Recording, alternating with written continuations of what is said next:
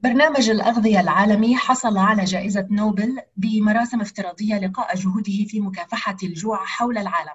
هي جهود عشرين ألف من طاقم برنامج الأغذية العالمي.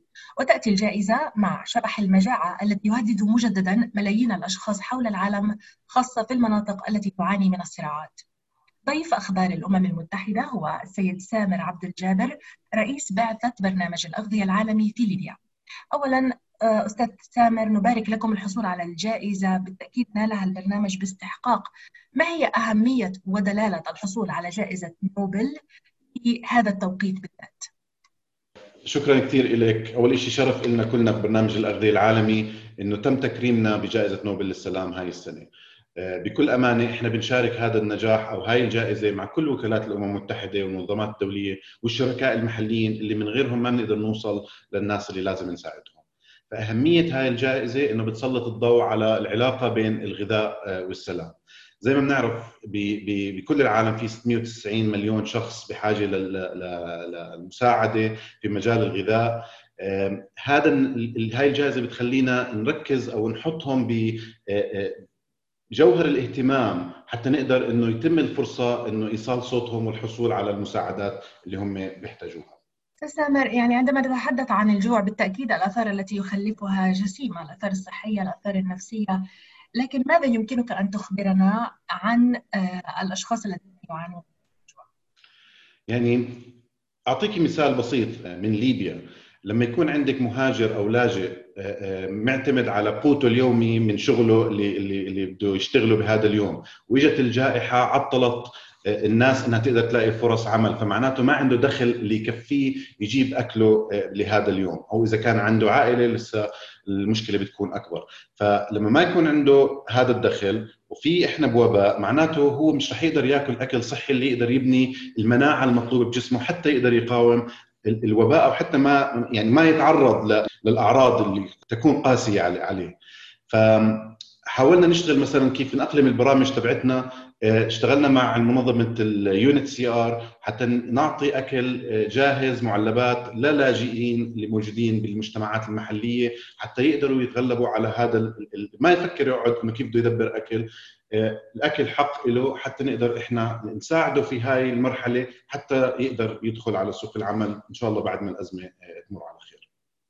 يعني عملت في مناطق متعددة في منطقة الشرق الأوسط، هل هناك ما يمكن أن نعتبره آه، أمور مشتركة بين تلك المناطق أم انه كل دولة فيما يتعلق بالجوع تختص بمشاكلها وحدها؟ يعني في في عدة أمور مشتركة، أول شيء المنطقة كلها بتمر بمرحله اقتصادية صعبة. آه، عدد الناس اللي اللي بيحتاجوا للدعم والمساعدات عم بيزيد. كمثال عندنا بليبيا كنا نطلع السنة السنة 2020 على 336 ألف شخص بحاجة لمساعدات غذائية.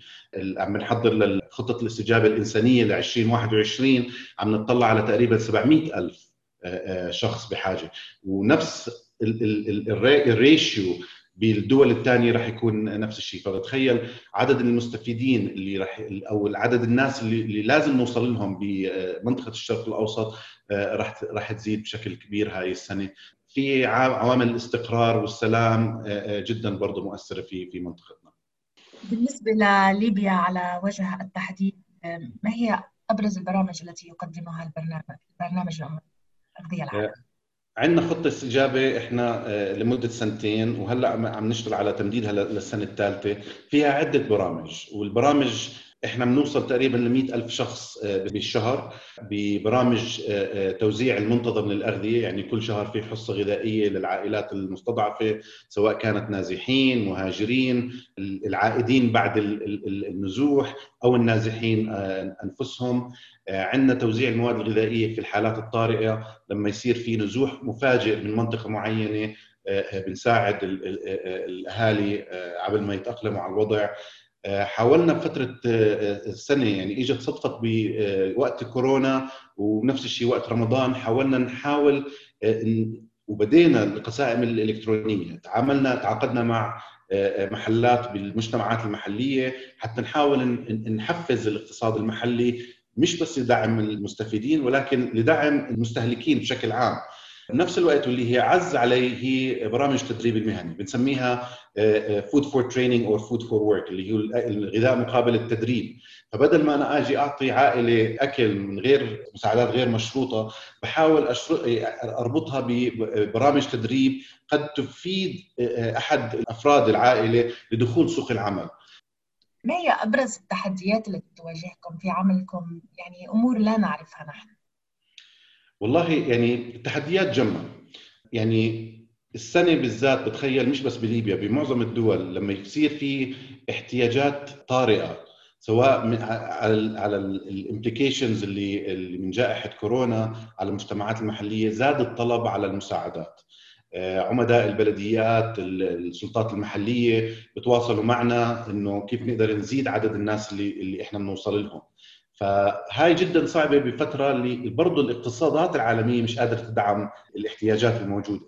وبتخيل بال 2021 لو ما بدينا من هلأ نستثمر بالعلاقات الموجودة مع الدول المانحة حتى نجيب التمويل المطلوب للاستجابة رح يكون برضه صعب. لأنه ما بدنا نحول الأزمة الصحية العالمية إلى أزمة غذاء عالمي.